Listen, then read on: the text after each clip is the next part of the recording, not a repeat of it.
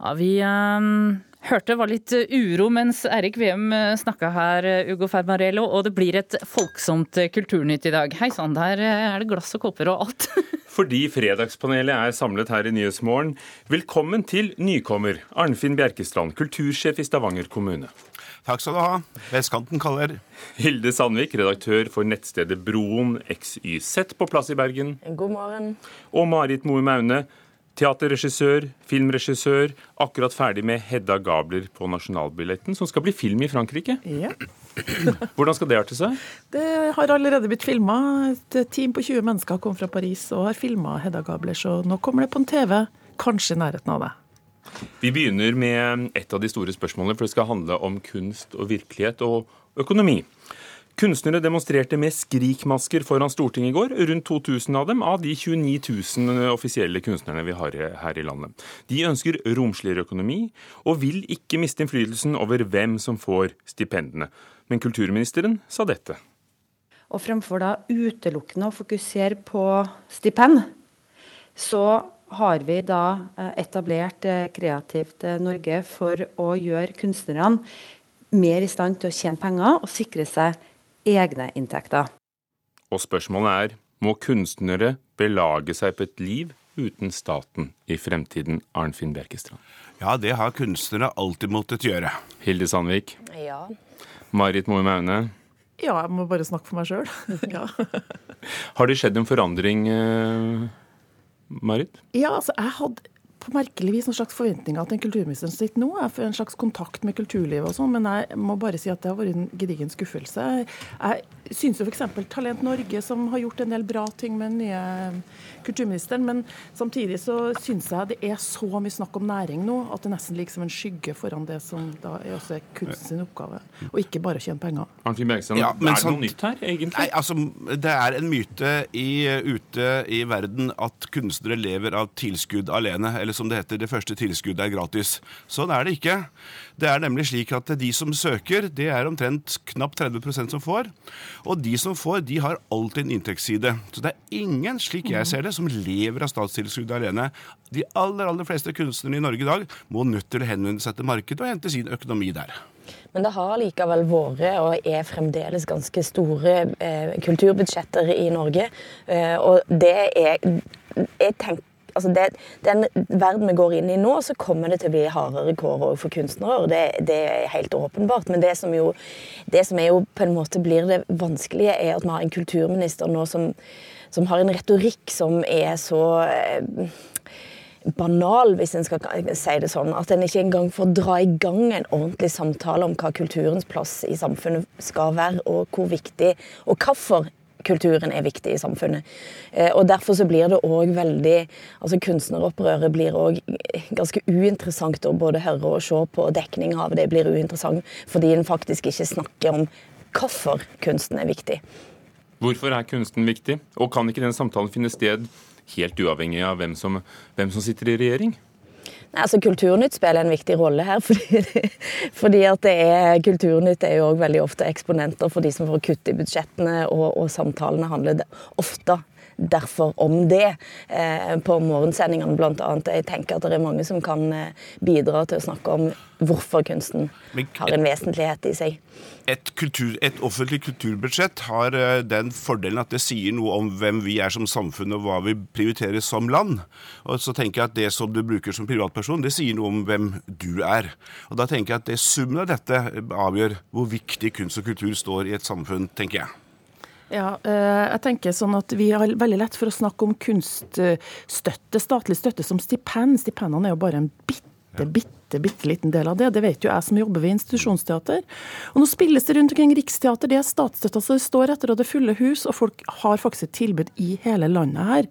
Og så har vi selvfølgelig også det som da skjer i de store byene. Og det er også støtta av staten. Det er et valg som vi har tatt, og det er jo ikke noe nytt i et samfunn. Nå har vi et demokratisk system. Det har alltid gjennom alle tider vært støtta av makta kunst på et eller annet vis. Du hadde ikke hatt en Mozart for eksempel, hvis ikke han hadde fått penger fra et eller annet sted. Eh, Det som jeg syns er interessant, i og med at du nevner nevne at jeg nå jobber med franske TV-selskap, det er at når de kommer hit, og de skjønner at det her er en diskusjon, at næring står så høyt i diskusjonen, så blir de rett og slett litt overraska. Og vi har hatt ganske mange interessante samtaler med de franskmennene om akkurat det. For for dem er det en helt uaktuell samtale. For de syns det er så naturlig at kunsten i seg sjøl har en verdi. Og at vi i hele tatt diskuterer det, syns de er veldig rart. da. Men, men, vi må huske at eh, statlig støtte til kunst og kultur det er en del av den norske modellen, og ikke minst arbeidsdelingen etter krigen. Nemlig at det skal være et offentlig ansvar å holde seg med et rikt antall og et høyt antall av talenter over hele landet. Men mer enn norske er det ikke like mye i Europa? At, at staten er blitt den nye fyrsten som, eh, som støtter kunsten? Tendensen er at staten trekker seg tilbake i de aller, aller fleste land. Eh, mm. Og, og, igjen er det en myte at staten dekker 100% av kostnadene også til institusjonsteatrene. Institusjonsteatret er også avhengig av en inntektsside. Jeg så, jeg så her nå nylig et spansk prosjekt som da kanskje kjennes etter Pay per laugh, eh, der en har du altså montert eh, ansiktsgjenkjenning på alle teaterseter. Du, betaler, du, du, kan, du, får, du kommer gratis inn på teateret, og så må du betale for hver gang du har ledd.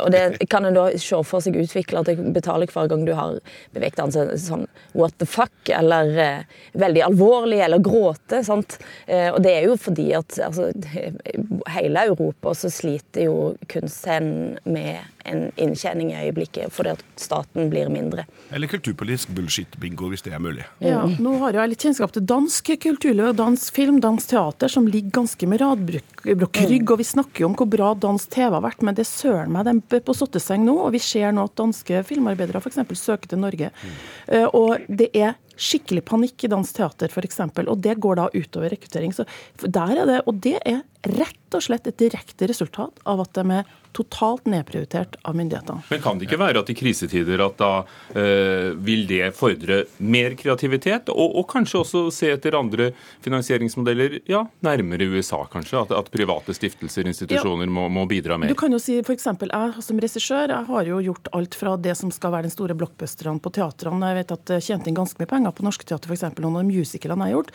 Men så står jeg i neste øyeblikk på en bitte, bitte liten scene og gjør noe som kanskje nesten ingen ser. Jeg har full respekt da, for vi er nødt til å tjene penger, at vi er nødt til å kommunisere.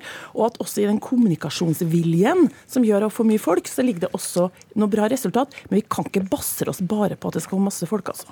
Nei, og husk at vi er ikke så mange norsktalende i dette landet, og markedet er nokså lite i en sånn global kontekst. Så noen ordninger må vi ha på plass for og, å opprettholde det et minimum av kunst og kultur her i landet. Og kan jeg legge til at både i Kulturnytt-saker og Dagsnytt 18-saker så har eh, statsråden lagt vekt på at eh, det ligger til bunn at her skal, det, her, her skal det være et samspill. Skal vi gå videre, dere? Mm. I Kvam i Gudbrandsdalen ble flere kvamværinger opprørt over ny kunst. Nei, jeg vil kalle det svindelig. For hvis slik skal være kunst, da må man sette opp en ny definisjon når det gjelder kunst. For det er bare tull. Nå har kommunen fjernet installasjonen eh, av sikkerhetshensyn, som var en del av prosjektet Vegskille, som skal skape liv og kunst og diskusjon der hvor gamle E6 gikk når Nyveien kommer. Hvem skal bestemme over hva som står på gater og torg? Er det folk flest, Marit Moe Maune? Ja, hvem er dem, da? Nei. Hilde Sandvik? Nei. Arnfinn Bjerkestrand? Nei, det er det ikke. Nei, Så hvem er det, da? Det, du, du, som har sittet i, i Kulturråd og, og, nå er kultursjef, er det, er det dere, da? Nei, altså jeg tenker Kunst i offentlig rom det er ikke bare eh, kunst, det er verken kunstnernes ansvar alene eller folkets ansvar alene. Det skal være et samspill mellom de som skal være til stede. Så tenker jeg at den uorganiserte kunsten som jeg oppfatter dette er en del av, gatekunst og den type ting, det skal være med på å utfordre oss. Men jeg tenker i den grad man skal uh, legge kunst inn, eller etablere kunst inn i offentlige rom, så er det flere parter. Det er brukere og den type ting, eh, og andre som skal ha en mening om det. Og det tenker jeg engasjeres. Og sånn sett er dette bra. Kvam er et glimrende eksempel på at kunst engasjerer, og det syns jeg er helt strålende. Men det som, det som jeg syns har vært problematiske i denne saken her, er at en har faktisk ikke fått vite hva dette skulle, skulle bli. Akkurat. Altså Det står jo faktisk i, i noen av sakene så står det at dette skulle være ferdig i februar-mars neste år. Og det at det er nesten, altså det, Jeg har ikke sett noen journalister som har stilt spørsmålet hvordan er det dere har tenkt rundt dette? Hva er det det skal bli? Hva er det som er utgangspunktet? Hva skal en se for seg? Hvordan skal dette spille sammen med folk som bor i Kvam? Istedenfor har han gått rett på konflikten, eh, for det er et eh, Det er lett. Det er det enkleste du kan gjøre. Å spisse en konflikt og si at det er noen på den ene siden som står og sier at dette er tull og tøys, og på den andre siden så står det kunstneren som prøver å forsvare seg. Og det er igjen så er det ganske uinteressant både journalistikk, og ikke minst er det uinteressant som, som en sånn samfunnsdiskusjon, da, tenker jeg. Og så tenker jeg at det er i hvert fall gått meg hus forbi hvem som eh, har initiert prosjektet og har ansvar for å gjennomføre prosjektet, og hvem som holdt jeg på å si, til syvende og sist står fullt og helt ansvarlig for prosjektet. Det er i hvert fall det kan jeg fortelle. Det er fylkeskommunen sammen med kommunene eh, som står bak eh, prosjektet Marit Moe Meine. Ja, jeg tenker det at noe som er interessant med her jeg, jeg må tenke tilbake på min ungdomstid, for jeg var jo fullstendig fan av Kjartan Slettmark. Det var for meg den største inspirasjonskilden til mitt teaterarbeid i første tida. Og han hadde jo dette kunstverket som sto utafor Stortinget, vet du, som handla om Vietnamkrigen. Og det kunstverket fikk jo først ordentlig gyldighet da en fyr tok ei øks og slo gjennom glassvinduet, og siden sto en øksa i det kunstverket. Eh, Det her munnen til Kjartan Slettmark. Eh, Jeg tenker på den, og, så tenker jeg skulle ikke forundre meg om de folkene som har satt opp det her, nettopp ser reaksjonen som en del av kunstverket. Du setter ikke opp et uferdig i prosess kunstverk på landsbygda i Norge, eller i byen for den saks skyld, uten å tenke at, eh, at reaksjonen er en del av kunstverket. Og kan jeg bare få fullføre en ting til? Eh, Når det gjelder hvem som skal bestemme hva som skal finnes av kunst, som egentlig er spørsmålet her, så må jeg si at i utgangspunktet så elsker jeg reaksjonen til folk i Kvam. De må få lov å si hva som skjer med deres bygd. Men samtidig så ser vi bl.a. i hovedstaden, og hvis folk har vært på Operataket og sett de fryktelige greiene som ligger ute i sjøen der, det ser ut som de har kasta scenografien ute i sjøen, så det er ett av de kunstverkene i Oslo som da ingen har vært inn og kuratert, men det er bare noen som har penger nok til å slenge det opp. Og det Det er er altså en skulptur av Monica Bonvicini. Jeg bare er- nevner det sånn Som helt sikkert er fantastisk. Men allikevel så er det noe med at det er på et vis aldri tenkt inn i, i, i, i en større sammenheng, etter min mening, da. Det er jo helt sikkert at offentlig kunst alltid har hatt en reise eh, fra, fra li, ikke-likt til likt, så det, det syns jeg er bra. Ja, men det Kort sluttord til deg, Hilde Sandvik. Nei, Ja. altså Det er ofte kunstneriske råd som står bak og ser nettopp på den type utforminger av kunstneriske rom. og Det er jo mye verre når peng folk med penger bare slenger ut skulpturer her og der, for å si det sånn. Ja, vi kan slenge ut ord, i hvert fall i mellomtiden. De er gratis. Den nasjonale scenen i Bergen skal sette opp Arv og miljø, teaterstykket som bygger på Vigdis Hjorts roman ved samme navn. Som kjent skriver Hjort med bakgrunn i sin egen familiehistorie. Og tidligere i år svarte søsteren Helga Hjort med også å skrive en nøkkelroman. I Aftenposten denne uken har hun skrevet et lesebrev hvor hun sier at det virker som om forfatter- og forlagsbransjen er blinde for sin egen maktutøvelse. Hun føler seg, sammen med familien, utlevert. Går teatret over en grense når de setter opp arv og miljø? Hilde Sandvik, Nei. Arnfinn Bjerkestrand, Nei, det gjør det ikke. Marit Moe Maune. Nei. Jeg tenkte med det når vi inviterer tre stykker fra kulturlivet, men hvorfor ikke? Nei, altså jeg må si at det er på mange måter er min mening subjektiv. For den siste gangen Vigdis Hjorth var på en teaterscene, så var det jeg som satte opp Leve Så jeg kjenner jo hun og har jobba med hun.